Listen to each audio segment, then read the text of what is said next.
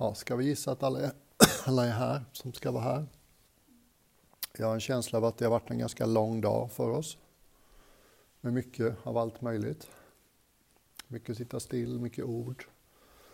Faktiskt också mycket tystnad också. Jag vill liksom inte bara prata för pratandets skull den här sista timman. Jag känner också att jag vill vara underhållande liksom så att det känns tillräckligt underhållande att lyssna. Vi sjöng ju varje morgon och varje kväll i kloster när jag levde i 17 år, både i Thailand och England och Schweiz.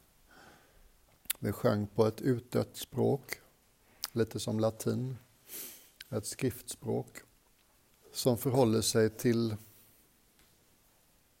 sanskrit, lite som italienska förhåller sig till latin enklare form av sanskrit. Kanske inte riktigt det språket som de pratade på buddhans tid i den delen av Indien, men nästan. Kanske var mer ett skriftspråk. Och en liten strof som kom till mig när jag satt i stolen uppe på mitt rum och försökte att lyssna vad som ville bli sagt ikväll. Det var Adi Kalyanang, Madje Kalyanang, Pariosana Kalyanang. Och jag förstår att det här bara låter som kinesiska för dig. Men för mig har jag sagt det här typ ett par gånger om dagen i 17 år. Så det sitter varken jag vill eller inte. Och det betyder vacker i början, vacker i mitten, vacker i slutet. Och det är liksom rader och en sån där standardhyllning till buddhan och hans, hans undervisning. Man brukar kalla hans undervisning för Dhamma vilket betyder ungefär sanningen. Så buddhan försökte inte skapa en världsreligion. Buddhan undervisade inte i buddhism. Jag tror buddhan skulle bli rätt så bekymrad om han kom tillbaka och såg vad har ni gjort med min lära? Står i dammiga böcker inne i ett skåp och ingen, ingen som egentligen lever och praktiserar det. Och som all sån här gammal text så finns det alltid en massa olika sätt att tolka den.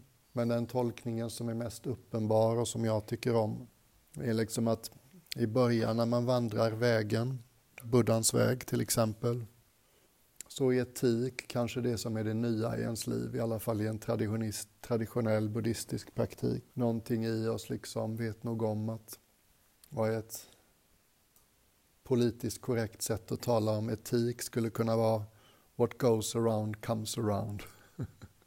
vad du sänder ut i världen tenderar att komma tillbaks.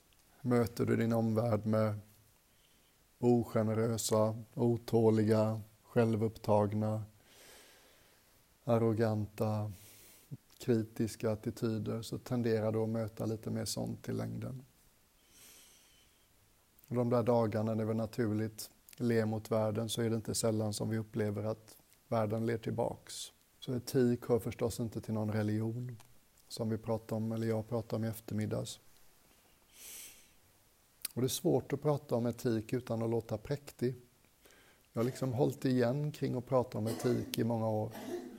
Men sista året så har jag liksom tagit ut svängarna lite mer där, för jag känner att det är så få som talar om etik med någon slags naturlig auktoritet. Och jag har levt med det ganska intensivt, ganska länge nu. Tror jag var 12 år när jag bestämde mig för att aldrig mer stjäla. Åkte fast för snatteri i kiosken utanför mellanstadieskolan. Mamma var så liksom klok.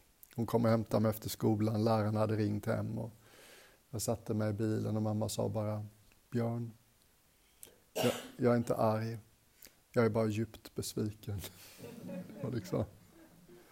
Jag vet inte om något har gjort så ont någon gång. Liksom.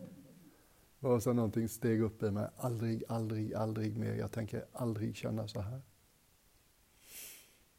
Och jag kan uppleva att etik i sina tidiga faser, det handlar rätt mycket om att sluta göra eller säga saker som vi vet är lite, inte riktigt klockrena. Jag kan också ha en känsla för att när vi tar de där etiska besluten och slutar göra något som vi egentligen vet egentligen inte borde göra eller säga, så är det som att universum hör det där. Aha, du tänker inte stjäla igen? Då ska vi ge dig ypperliga tillfällen att testa din beslutsamhet. Och det skedde ju även för mig. Så när jag gick på gymnasiet tillsammans med Marie så eh, flyttade mina föräldrar och mina tre bröder till Stockholm från Göteborg på grund av pappas jobb. Jag gillar min tjej som också hette Marie, men inte var den här Marie. Jag gillar min skola som vi gick på, Rudebecks, så jag ville vara kvar. Så då fick jag ha rätt mycket ströjobb för att få ihop det ekonomiskt under gymnasiet. Och en lördag så tömde vi, jag var bland annat hamnarbetare i Göteborgs hamn. Och en lördag så tömde vi en container som ingen hade hämtat och den var full av stora kartonger. Och en i arbetslaget gick in med en mattkniv och öppnade en kartong och kartongen var, kartongen var full med bilstereos. Och många av er är för unga för att minnas bilstereos men om man var hyfsat vuxen 1980 så minns man att bilstereos var en het, ett hett eftertraktat objekt på den tiden. Och jag vet inte om kvinnor gör det här, men jag har i alla fall lagt märke till att män har en förmåga att... det sägs nästan ingenting, fast alla i gruppen fattar vad som kommer att hända härnäst. det är liksom nästan icke-verbal kommunikation, det är nästan mer blickar eller nickningar eller något sånt där. Den där skavande känslan när man upptäcker att en i gänget inte är med när man ska göra något som alla vet egentligen inte är alldeles sådär above board, så måste ju alla vara med. Så de skickar fram stuveriarbetarbasen till mig då. Jag var den arroganta gymnasisten. och stuveriarbetarbasen sa, och varför ska inte du ha någon bilsteo då? och jag sa, nej det är ställd, jag gör inte ställd. Och så tittade han på mig och sa, dö, det är inte ställd, det är egendomsutjämning. Det är så här. Ska vi liksom hitta och följa vår inre kompass, vår inre etiska kompass, då kan vi inte bara gå till det rationella tänkandet. En genomsnittligt intelligent människa kan hitta goda bevekelsegrunder på precis vilket beteende man vill. Ja, är ni med mig? Det finns liksom lite djupare i och så finns det en ganska god etisk kompass tror jag för de flesta. När mamma kom till klostret i Thailand, mamma och pappa, första gången så chockade mamma tanterna i köket innan måltiden på morgonen. Hon kom in liksom med en sån här stor inplastad laxsida och skulle göra laxsnittar till alla munkarna. Det var väldigt roligt. Och efter måltiden, hon hade fattat liksom att man får inte prata med munkarna innan de ska äta för då vill de meditera. Men efter måltiden då är de tillgängliga, då kan man prata med dem. Så hon kliver upp till vår kanadensiska abbot och säger Hej, hur lång tid tog det innan du fick komma hem och hälsa på dina föräldrar? Han sa ungefär, det var ju lite olyckligt att du ställde just den frågan. För jag råkade bli abbot i det här klostret när jag bara hade varit munk i tre år, för det var ingen annan som ville ta det ansvaret. Så jag fastnade i 13 år i rollen som abbot innan jag fick möjlighet att åka hem. Det var så mycket att göra här. Och jag vet inte vad hon sa exakt, men det var typ, jaha, det ska du veta, det kommer inte ta 16 år innan min son kommer hem på besök. Och sen den kvällen då, vi hade testund i klostret varje dag. Och du kan säkert tänka dig att om man har ätit vid halv nio, nio på morgonen så fem på eftermiddagen efter två timmars arbete är man rejält sugen på något sött och gott och centralstimulerande. Så det var en väldigt mysig stund. Det var också en stund med gott samtal, gott häng liksom. Och den här kvällen så hade ju Adjans passande blivit påmind om att hans första besök hemma i Kanada efter 16 år som munk i Thailand. Så han berättar lite om det. Och så berättar han bland annat att han satt liksom, det råkade vara jul, jultid när han kom hem på första besöket. Och han kom liksom utifrån landet sådär, skogshuggarson, hockeykille. Och det var rätt sent på kvällen, någon julkväll. Och han satt med en kusin. Och kusinen satt och drack whisky. Och så sa kusinen, ska du ha ett glas eller? Och Adjan passarna sa nej, vi, eh, vi, vi, vi avstår från alkohol. buddhistmunkar och nunnor i vår tradition. Och kusinen var tyst en stund, sa han, ja men det är ju ingen som kommer få veta. Och så var den passarna tyst en stund och så sa han, jo, jag kommer ju veta. Och det är så fint liksom, ja just det. Inte etik för att det står liksom i någon viktig bok. Inte etik för att någon auktoritet har sagt det. Inte etik för att vi följer något religiöst system utan etik för att vi människor har samvete. Saker som vi har gjort och sagt som vi inte är så stolta över, det är tungt bagage. Det är jobbigt att bära på mycket minnen av saker där vi kanske har svikit oss själva eller andra, gjort andra illa. Mm. Och om det låter präktigt så menar jag inte att man måste vara perfekt, för det tror jag ni förstod i förmiddags på en av meditationerna. Ja, idén om att vara en perfekt människa tror jag är väldigt skadlig. Däremot så tror jag det är värdefullt att liksom komma ihåg att när jag följer mina vackra sidor, mina goda intentioner, då kan jag vara ganska trygg i att jag inte kommer skapa något tungt inre bagage. När jag följer de intentionerna som är mest självupptagna, kortsiktiga, reaktiva, automatiska, då händer det att jag gör och säger saker som är ganska jobbiga att minnas. Mm.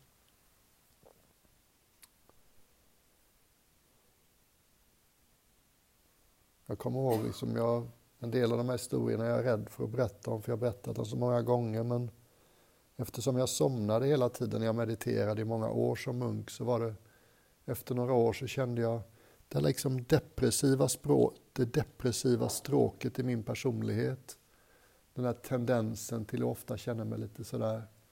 Den den har liksom lyft efter några år som munk. Jag känner inte att det är så längre. Vad konstigt. Jag somnar ju fortfarande typ varje gång jag inte nyligen har druckit kaffe och ska meditera. Men jag kan inte hitta någon annan förklaring på att det liksom lyfte och ljusnade inombords på det sättet på några år. En etik. Vad säger man i modernt företagsspråk? Värdegrund. Vi hade tydlig värdegrund, människorna omkring mig levde vår värdegrund. Jag hade dagliga exempel på hur liksom man tar fram det vackra i sig själv. Så det var ganska lätt och självklart. Och det hade fina effekter. Skulle till och med gå så långt som att säga att när jag kom hem efter alla åren som munk och blev så förvirrad och deprimerad och full av ångest så mötte jag fortfarande en väldigt, väldigt samarbetsvillig omvärld. Kom och var med i mitt tv-program. Kom och prata på mitt kontor. Kom och hjälp till att leda den här retreaten. Den ena av de två engelska lärarna är sjuk. Hej, jag är talarförmedlare. Jag såg det på tv. Jag tycker vi ska sälja in dig som en talare. Kom så börja, börja hos oss. Föräldrar som sa liksom, du får 10 000 i månaden som förskottsarv så länge du behöver det. Ta det lugnt liksom, stressa inte upp det över pengar. Jag hittar ingen annan förklaring till att omvärlden var så schysst mot mig när jag hade det så tufft. Annat än att jag hade försökt vara schysst ganska länge då. Jag hade sträckt mig med komfortzonen för att liksom finnas till hands för andra, svara upp till förväntningar, noga med att respektera andras ägodelar, noga med att inte uttala någonting som var en lögn, jag har liksom inte slått ihjäl en fluga eller mygga på 25 år nu och det behöver man inte vara imponerad av, men jag tror att det har en effekt. Jag var mindre bekväm om hundar när, runt hundar när jag var ung. Det känns nästan som att hundarna känner på sig nu för tiden att jag inte är farlig. Hästarna kom fram i hagen idag när jag var ute och promenerade och ville säga hej. De blev lite besvikna när jag inte hade morot i handen, men de var, de var goa. Så jag kan inte säga att det är så här, men jag har en ganska stark känsla av att det är så. What goes around comes around. Det finns en resonans liksom i världen. Vad du sänder ut, det tenderar att vara det som kommer tillbaka. Mm. Och sen finns det väldigt, väldigt så fin, det är lite genant nästan att erkänna men jag följde hängivet de fyra säsongerna av den norska tv-serien Skam. Någon som såg den? Ja. Handlar om ett gäng gymnasister i Norge. Börjar när de går i ettan, slutar när de går i trean och går ut. Väldigt så fint kompisgäng. Och det händer massa dramatiska saker. Det finns en flicka där som är, heter Nora. Hon är sådär liksom fe-likt vacker, änglalikt vacker. När jag tittar på henne så känner jag mig som jag är liksom en kärlekskrank 16-årig pojke i puberteten igen. Va? Åh, åh, åh. Och hon är inte bara vacker utanpå, utan hon är också väldigt vacker inuti. Hon är liksom drömkompisen som alltid ställer upp, alltid gör det rätta, alltid är uppriktig, alltid berättar det för dig som du behöver höra. Alltid sätter dig i första rummet. Alltid hör av sig när ingen annan vågar eller ingen annan gör det. Så jag var väldigt, väldigt tagen av henne. Och i en scen så står hon och fönar sig framför sin spegel. Och till vänster om hennes spegel så sitter en post-it-lapp. Och på post-it-lappen så står det på svenska då.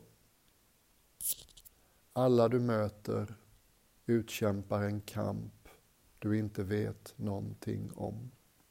Var snäll, alltid. Ja. Ja, visst, om någon präktig typ som inte känns speciellt snäll säger det så händer ingenting. Men när någon sänder ut det budskapet som jag har suttit och beundrat i 30 avsnitt, då går det in.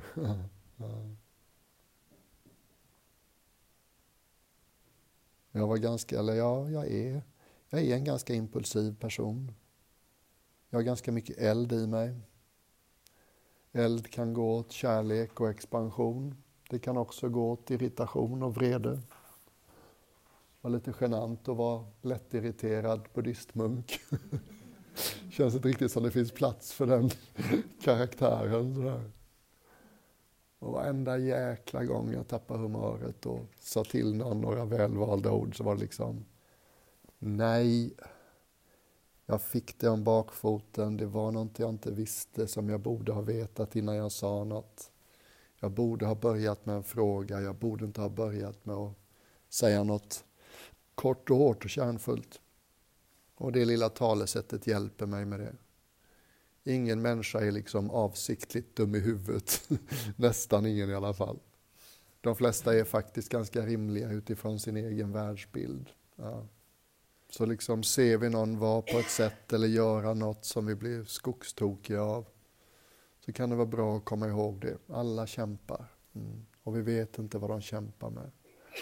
Alla har glasögon på sig. Andra människors glasögon och filter ser annorlunda ut än dina. När jag förbereddes för att bli eh, biståndsarbetare så har Sida en kurs i Uppsala. Och jag var ung och det var kul att vara på kurs en vecka. Och en av grejerna som lärarna berättade det var att en svensk som hade jobbat i något land i Västafrika hade blivit så jäkla rädd, för det hände flera gånger att svensken kom körande längs med en landsväg i ett öde landskap mitt i Kenya. Och där står liksom en eller flera kenyaner vid vägens sida. Och precis innan svensken kör förbi så rusar kenyanen över vägen och är liksom hårsmån från att bli träffad av bilen. Det kan man ju bara tycka, ja men det är ju bara pucko liksom. Hur kan det finnas någon förklaring på ett sånt idiotiskt beteende? Men det finns det. Sen visade det sig att i den här stammens föreställningsvärld så händer det människor att man blir liksom förföljd av demoner. Och demonerna håller sig ganska nära. Så om man liksom springer över landsvägen precis innan bilen kommer. Så har man lite tur så blir demonen överkörd liksom. Så det är ett jättebra exempel. Här har de utkämpat sin kamp som jag inte visste någonting om. Men hade jag växt upp och mina föräldrar och alla vuxna sa akta dig för demonerna. Sköt dig annars kommer demonerna. Gör som jag säger annars kommer demonerna. Ja. Det är klart man hade trott på demoner. ja.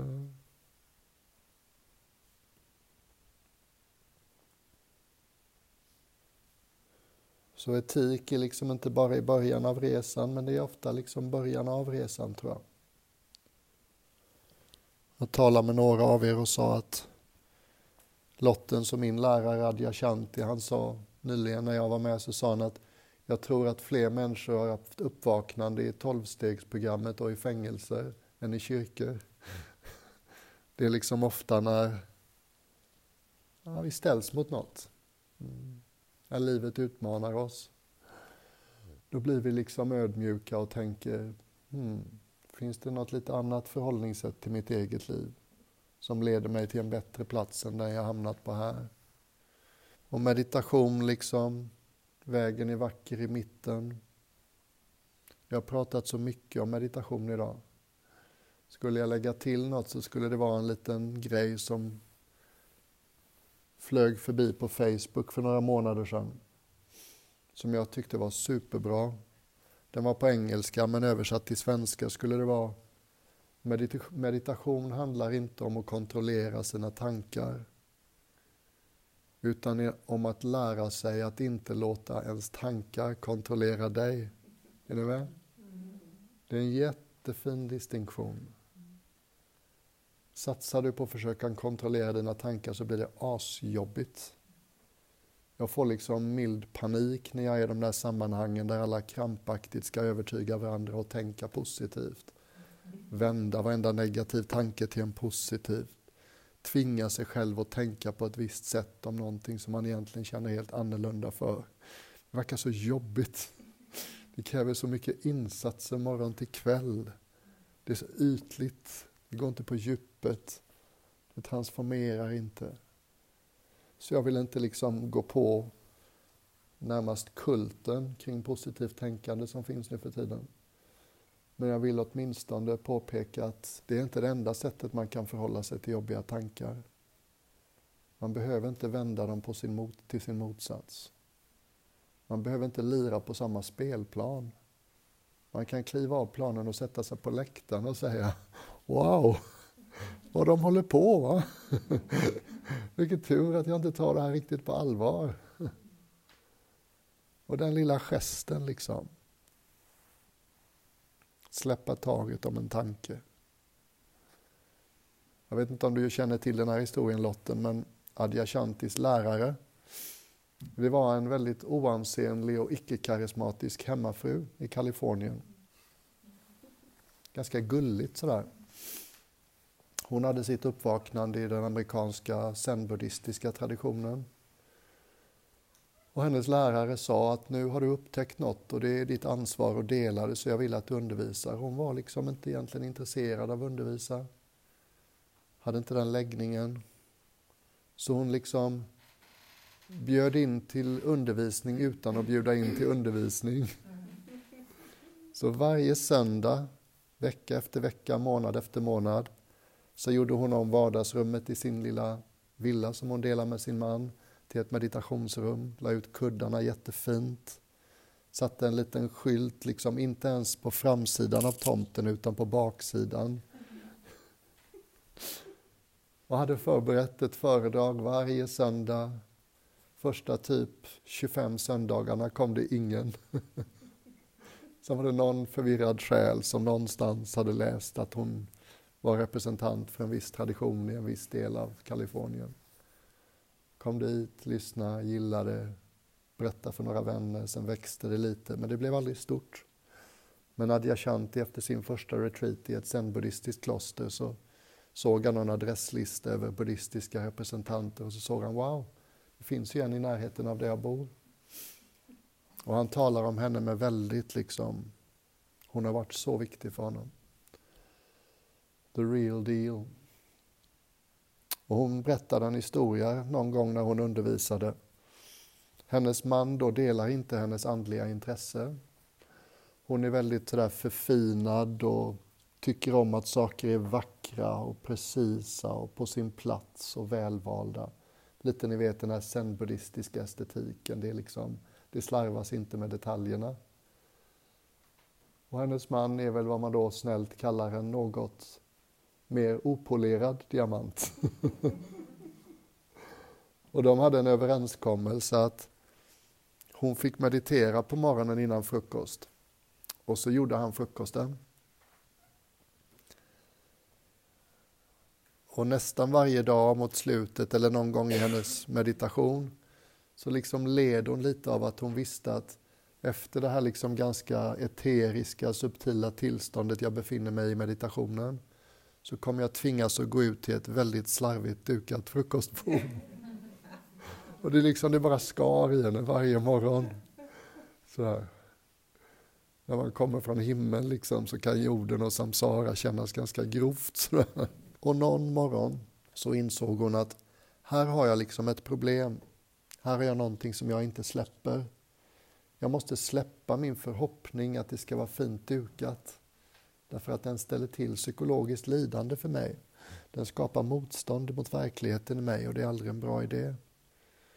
Så på något sätt så jobbar hon med det och det skiftade och liksom mot slutet av meditationen kände hon att jag är verkligen chill med att komma ut till ett slarvigt dukat frukostbord alla mina dagar från och med nu. Och det är gött liksom. Ännu en hang-up som man kunde lägga åt sidan. Och så kommer hon ut och för första gången någonsin är det jättefint dukat. Ja.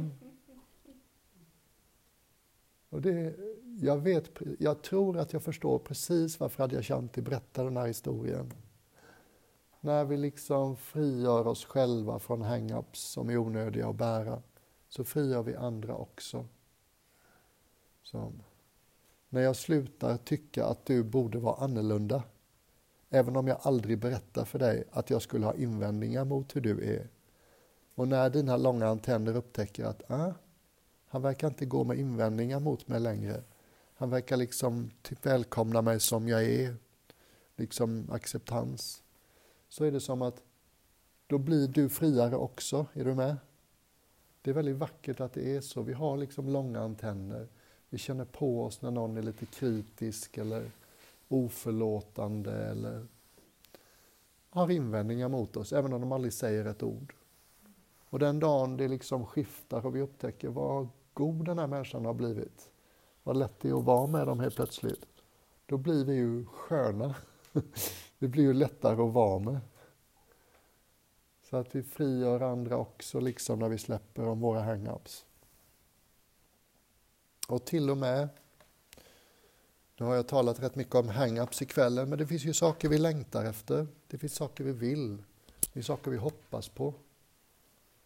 Där är det också rätt bra att ha lite mindre så, lite mera så. I England så var det ju inte så i England var det ju inte så att vi gick allmoserunda varje morgon i gryningen och fick lagad mat av de hängivna engelska klostersupporterna. Nej, så funkade det inte där. Men eh, någon gång i veckan gick vi ut i små grupper och ställde oss på High Street i byarna och städerna på gångavstånd. Och det funkar faktiskt. Och på sommaren så försökte vi att hålla andan uppe genom att liksom gå ut på vandring. Och du kan säkert tänka dig det om du tyckte det var äventyrligt att vandra i Thailand 500 kilometer utan pengar och mat och kok, matlagningsmöjligheter. Tänk dig då hur det är i England. I Thailand stöttar alla buddhistmunkar och buddhistnunnor. Alla vet vad de håller på med. Alla vet att de behöver mat på morgonen. Alla vet att de inte kan gå in i en affär och köpa sig en bussbiljett. Och i England är det förstås inte så. Så det är ganska on the edge att vara ute och vandra i England några veckor. Och en gång så var jag, en sommar så var jag och en annan munk på väg runt Isle of Wight. Och hans mamma bodde på Isle of Wight, så när vi kom till ön så var vi hemma hos hans mamma och käkade en eh, så klassisk full English breakfast. Oh God. Kände mig som en strandad val när jag skulle gå ut och börja vandra. Och ganska tung ryggsäck också. Börja vandra. De som varit på Isle of Wight vet hur det är. Strålande vacker kuststräcka. Vackert på väldigt många olika sätt, men väldigt vackert och dramatiskt. Ligger liksom söder om England, utanför Southampton tror jag. Sover liksom ganska lätt. Vi hade sovsäckar och ni vet en sån där sovsäcksfodral som andas men inte släpper igenom vatten. Sov under ett träd. Nästa morgon liksom på med packningen, kanske drack lite te. In till den här lokala stan. Och nu har vi inte ätit på 22 timmar och man har gått tre mil med tung packning. Man är väldigt, väldigt, väldigt intresserad av mat. Går upp till kyr kyrkogården, stänger av, ställer av oss ryggsäckarna, svidar om liksom, sätter på oss allmoseskålarna, lämnar ryggsäckarna på kyrkogården, går ner på High Street, ser liksom alla människor gå förbi. Pizza slice, glass, Varm korv. liksom, fish and chips. Och blir magnifikt ignorerade. Ingen kan ignorera som engelsmän. Jag började liksom bli orolig att jag var osynlig. Det var en turistort, liksom, tio, halv elva på förmiddagen. Typ tusen personer går förbi och liksom, ingen tittar på oss. Det är bara barnen som tittar, för barn är ju liksom uppriktiga. Barnen kunde peka på våra skålar och säga ”Mami, mami, does he have a snake in his bowl? Och någon annan, Mami, mami, is that a drum he's carrying? är det en trumma han har på magen? Byteställe, frisersalong. Polisen kommer ganska snart. Pojkar, det är förbjudet att tigga på Isle of Wight. Dessutom har frisersalongen klagat, ni skrämmer iväg kunderna med era frisyrer. eh, Konstapeln, vi tigger inte. Du ser inga lappar framför oss. Vi säger inte ett ord om vad vi behöver. Vi står här och är tillgängliga för allmosor. Det är inte samma sak som att tigga. Nej, okej okay då. Nej, rör på er. Flytta härifrån. Tillbaks till första stället. Och mitt inre liv fram till nu har varit liksom, jag vill, jag måste, snälla se till att någon ger oss mat. Jag har hållit om min längtan efter mat så här. Måtte universum bli lite mer samarbetsvilligt. Snälla, se till att jag får vad jag vill ha. Och nu har klockan hunnit bli kvart över tolv på dagen. Buddhistmunkar och nunnor i Thailand äter fram till mitt på dagen. Med soltiden på sommaren så kom vi överens i Europa om att mitt på dagen definierade vi som klockan ett. Jag sa till min munkkompis att du, eh, jag tror vi får fasta idag, det ser inte ut som det blir något idag. Och han var lite yngre och liksom mer på än vad jag var. Så han sa, men vi kör bara tio minuter till. Sen är jag med på att ge upp sådär. Ja visst, okej, okay, säger jag. Och då har jag liksom inuti gått från jag måste få mat till jag kan fasta, jag har gjort det förut. Det är inget kul, det passar inte mig, jag gillar inte det. Men jag dör inte av att gå utan mat i 48 timmar. Det är okej. Okay. Mm. Och det skiftet var ganska tydligt för mig. Jag kände av det i kroppen. Liksom.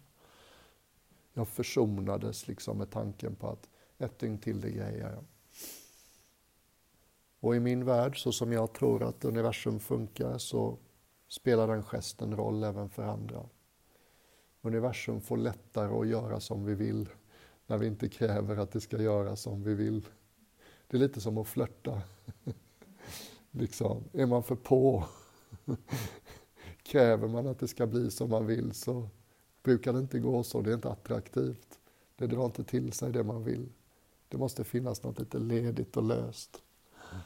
Är det en konstig liknelse eller är ni med mig? Ni fattar. Alla har velat för mycket på parmarknaden liksom. Det, blir, det brukar inte bli bra. Så att den gesten hände i mig. Jag kräver inte längre av universum att jag ska få som jag vill. Jag har fortfarande definitivt preferenser, men jag håller dem lösare och ledigare. Och inom, så vitt jag minns, en minut eller två efter den justeringen så kommer det fram en liten tant. Men ni har stått här länge pojkar, vad gör ni? Ja, vi är buddhistmunkar, vi lever på allmosor. Ah, ni vill ha mat. Ja, men Isle of Wight är en kristen ö. Här ska ingen gå hungrig, det här ska vi lösa.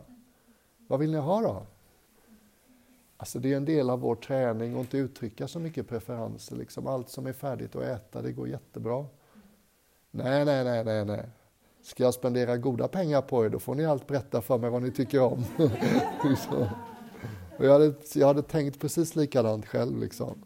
Jag tänker bjuda flott, men jag tänker köpa grejer som jag vet att ni gillar.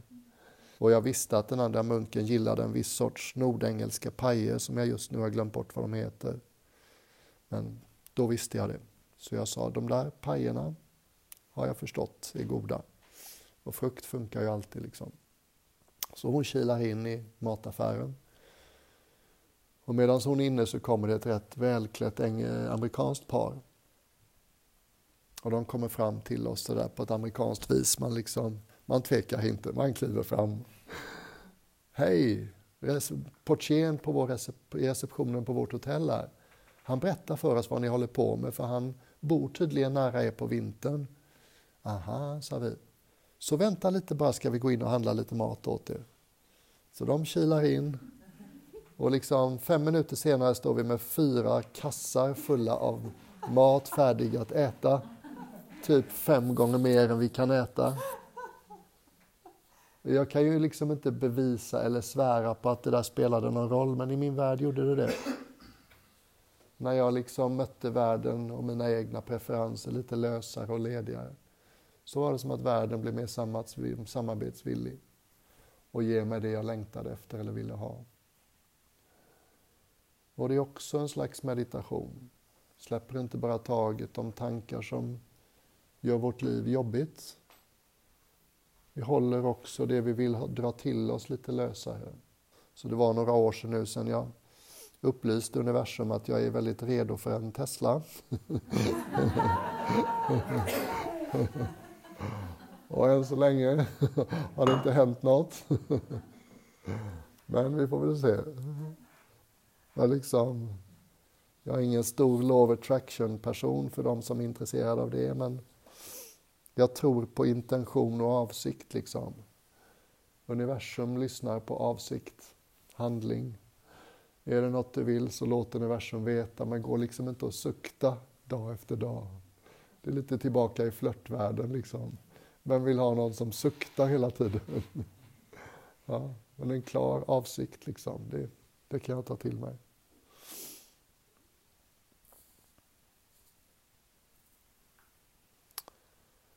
Och vägen är vacker i slutet. Det som jag ska prata om nu, det har jag pratat om typ hela kvällsföredraget ett par gånger i rad här på Frötuna. Men nu får det bara sista kvarten, tio minuterna. Men det är nog på sin plats.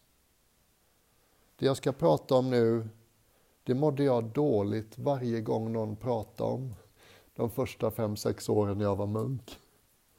Därför allt som hände i mig när någon pratade om det, det var att ja, det låter väldigt smart men eh, det är inte för mig alltså.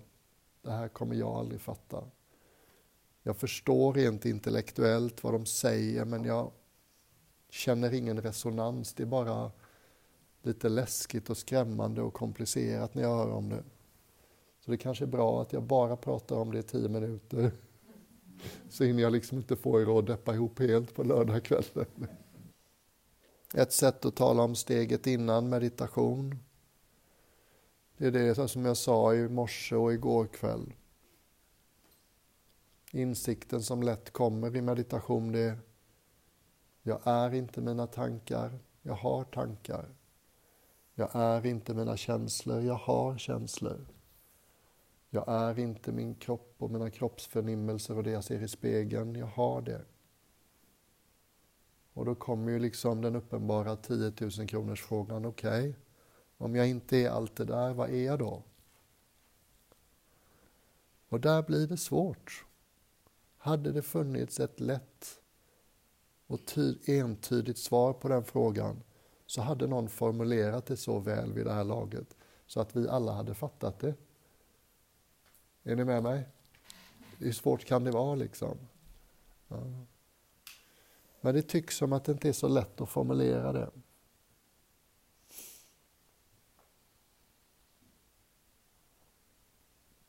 Det tycks också som om det ligger i en väldigt ovanlig riktning.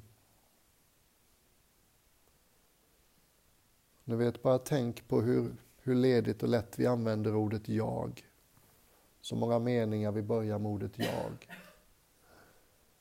Min dag och mina egenskaper och mina föräldrar och min utbildning och min historia, mina barn, mina framtidsutsikter, min sommarstuga. Uppenbarligen där en massa saker som man inte kan förneka. Sommarstugor finns, framtidsplaner finns, barn finns, inget tvivel om det. Utbildning finns, Min, minnen finns. Men vem är den tänkta ägaren av allt det här? Är ni med mig?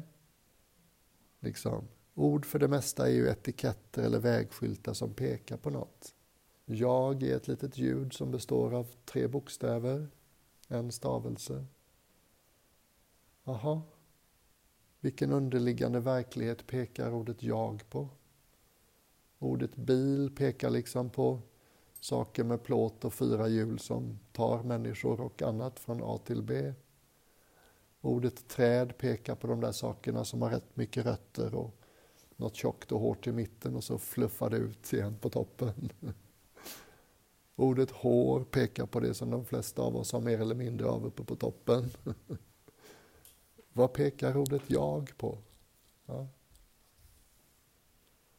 Så ni kanske börjar förstå varför jag var så frustrerad i många år när de pratade på det här sättet.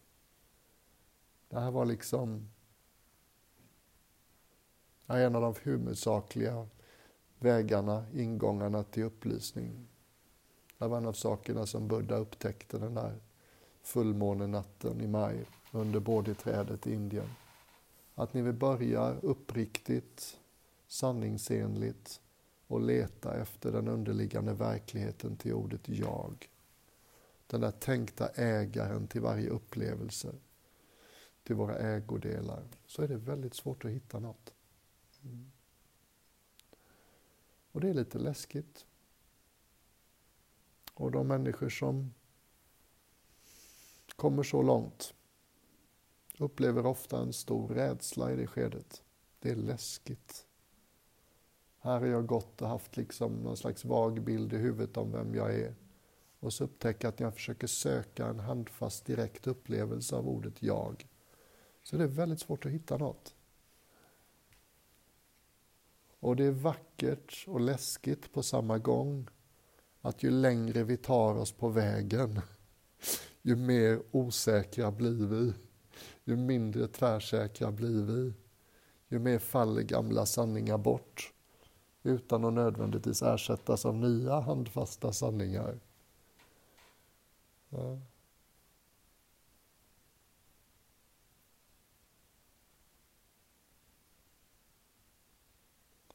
En av mina favoritgurus i den lite galna gurubranschen. Det är en engelsman som heter, åh oh, vad heter han nu?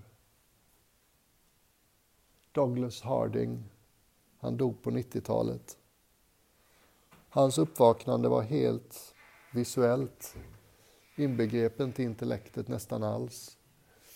Han gick liksom med en liten pluton, han var soldat någon gång på 40-talet i Indien, fast han var engelsman. Och gick där med sin grupp soldater högt upp i Himalaya och han hade den ständiga frågan som han ställde till sig själv. Vem är jag?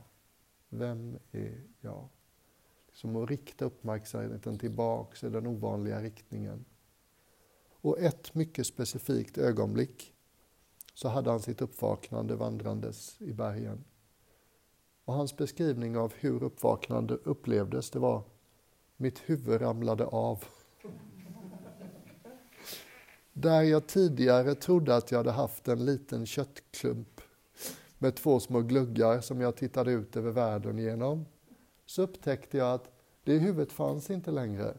Det fanns liksom bara ett stort öppet visuellt fält. Om jag tittar på dig Karina så ser det ut som toppen där uppe är liksom en liten köttklump.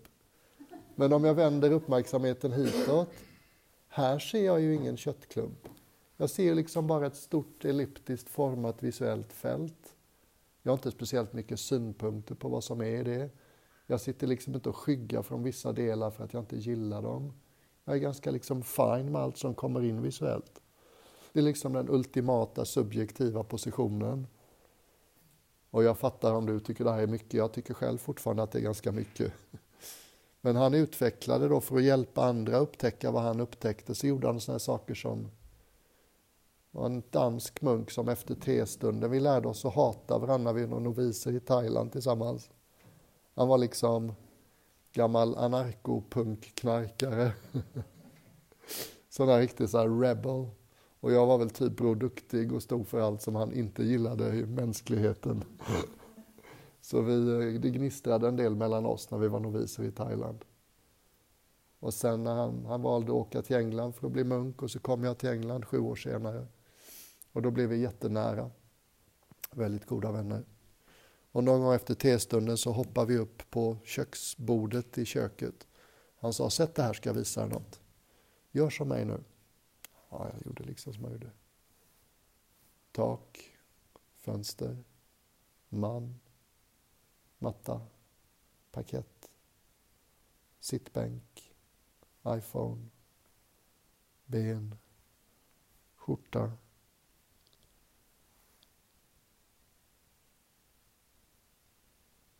Så, allt som vi kan peka på och göra ett objekt av i vårt medvetande, det kan vi liksom på något sätt känna att vi fattar. Men när vi vänder liksom tillbaks uppmärksamheten till betraktaren, vad händer då liksom? Jag vet inte vad jag ska säga om det här. Det är liksom bara ett visuellt fält här som är ganska öppet och kravlöst.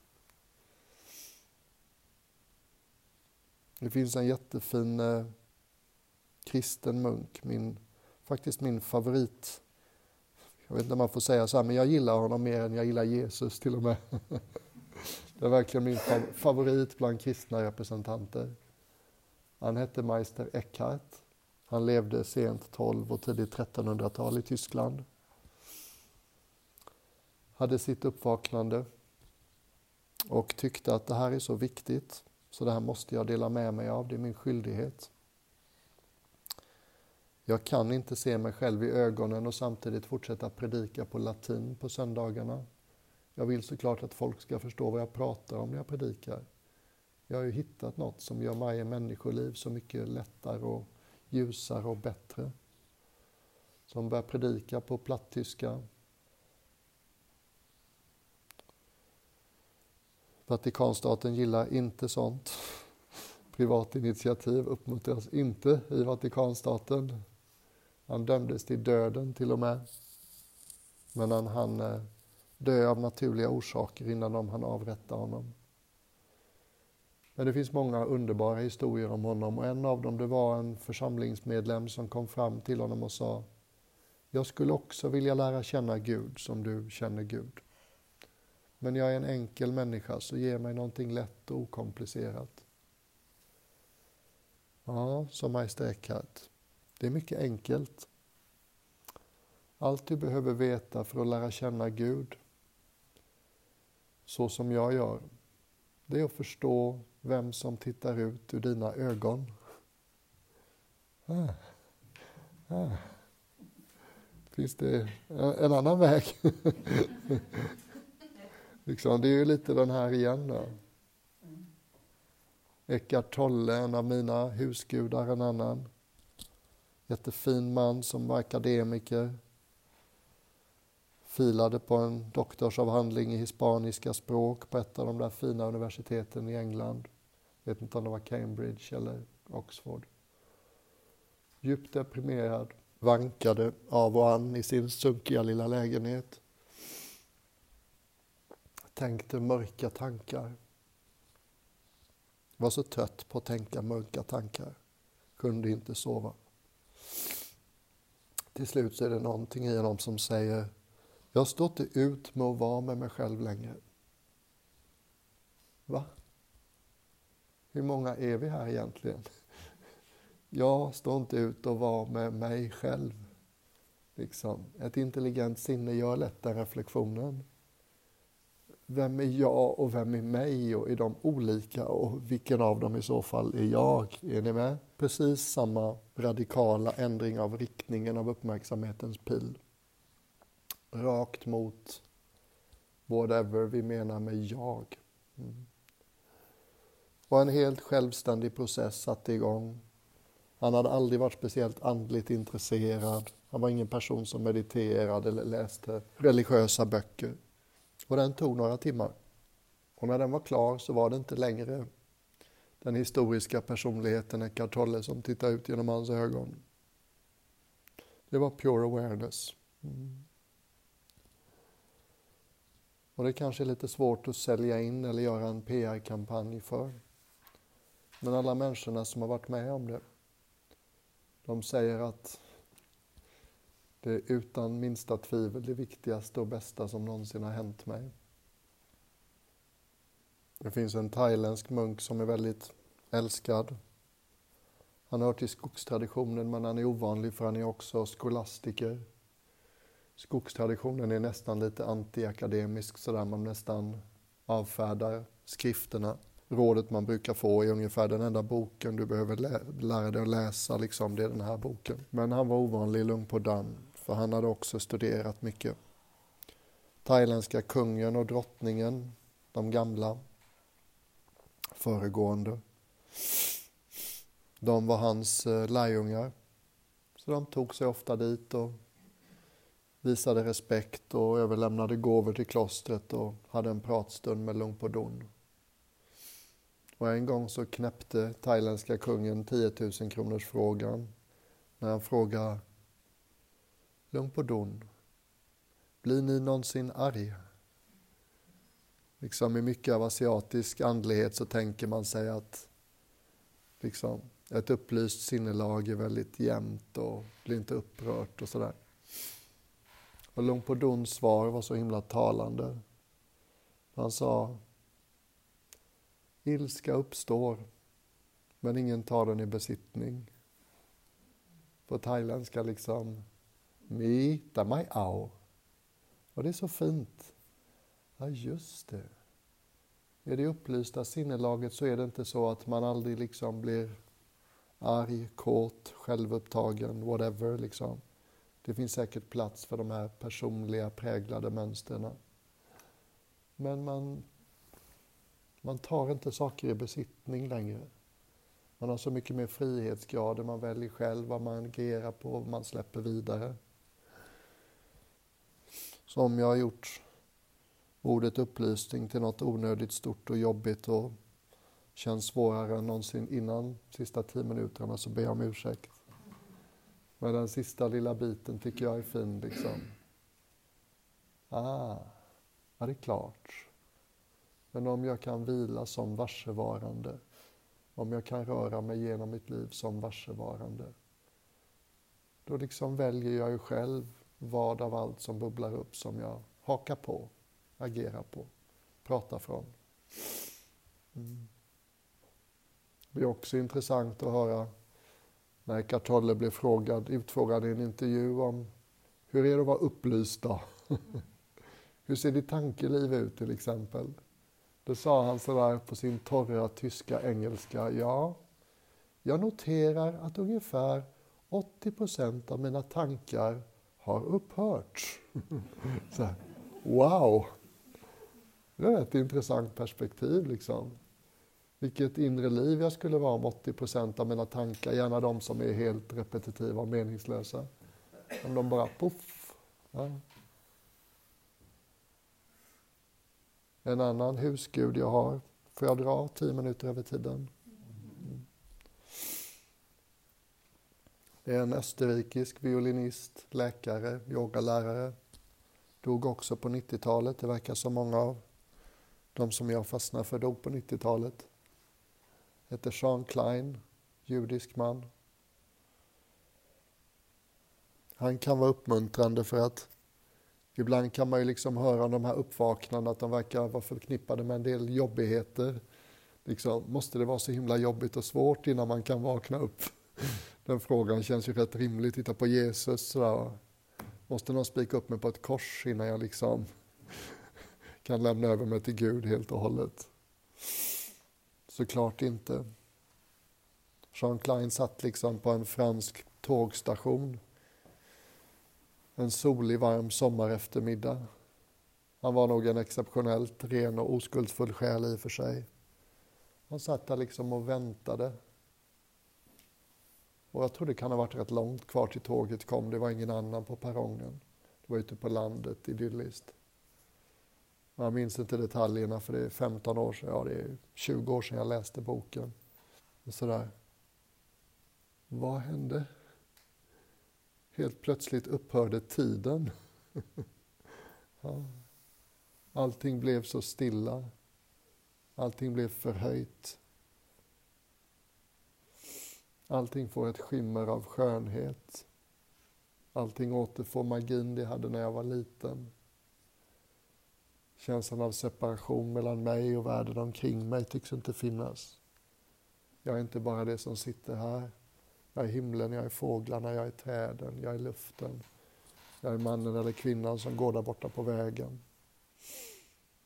Och det här med enhetsupplevelse, det stöter man ju på igen och igen i skildringar av uppvaknanden. Och det är ett väldigt oromantiskt sätt eller odramatiskt sätt att tala om kärlek. Det går ju faktiskt att tala om kärlek som icke-separation.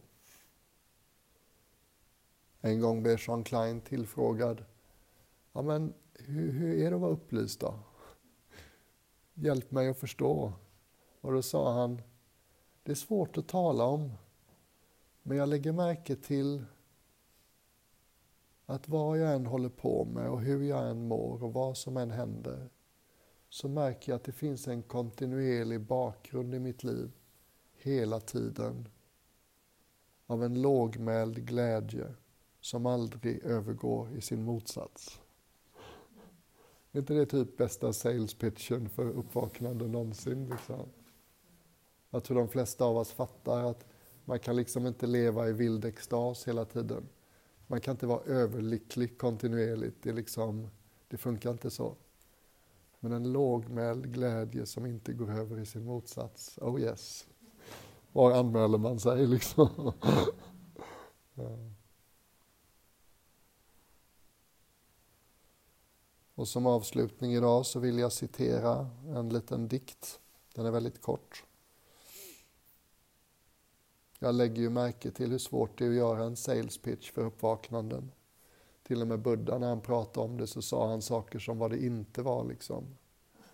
Det som aldrig har fötts, det som aldrig kommer dö, det som inte är påverkat av okunnighet, det som inte ser verkligheten som beslöjad, den trygga hamnen. Och Adyashanti skriver ibland sådär jättekorta dikter och en dikt han skrev om det här. Jag kommer inte ihåg de första raderna men de två sista raderna i dikten den handlar om hans eget uppvaknande. Det är jag gav allt för det här. Hur kunde det vara så billigt? Det är så snyggt. Liksom. Jag gav allt för det här. Hur kunde det vara så billigt? Ja, lite sådär Beppe-vibe när så pass många ligger ner. Mm. Ni som är gamla nog att komma ihåg, det här liksom barnprogrammet där Beppe ligger i sängen och pratar med sina uppstoppade djur, eller dockor. Så att... Ja. En thailändsk godnattsång. Ja. Ja. Baklängan. Så jag eh, tror jag skippar sången för allas vårt bästa. Ingen ska behöva ha mardrömmar. Och jag vill tacka för en dag som jag undrade lite hur den skulle gå i början med min hals. Som jag är nöjd och glad och stolt till och med att den har gått så bra. Tacka er för hur samarbetsvilliga och sköna ni har varit liksom. Alla har funnit sig till rätt även om en del av oss har tvingats hosta lite och flytta på oss lite och komma och gå. Så för mig har det varit en väldigt skön dag. Känns inte som jag ansträngt mig. Känns som jag har suttit i vardagsrummet och hängt med vänner jag inte känner så väl än.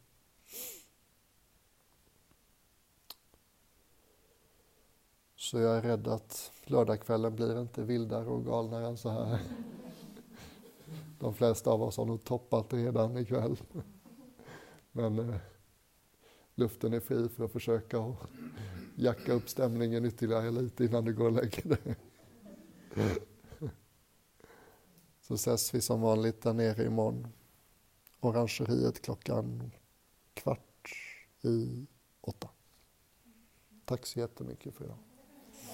Mm.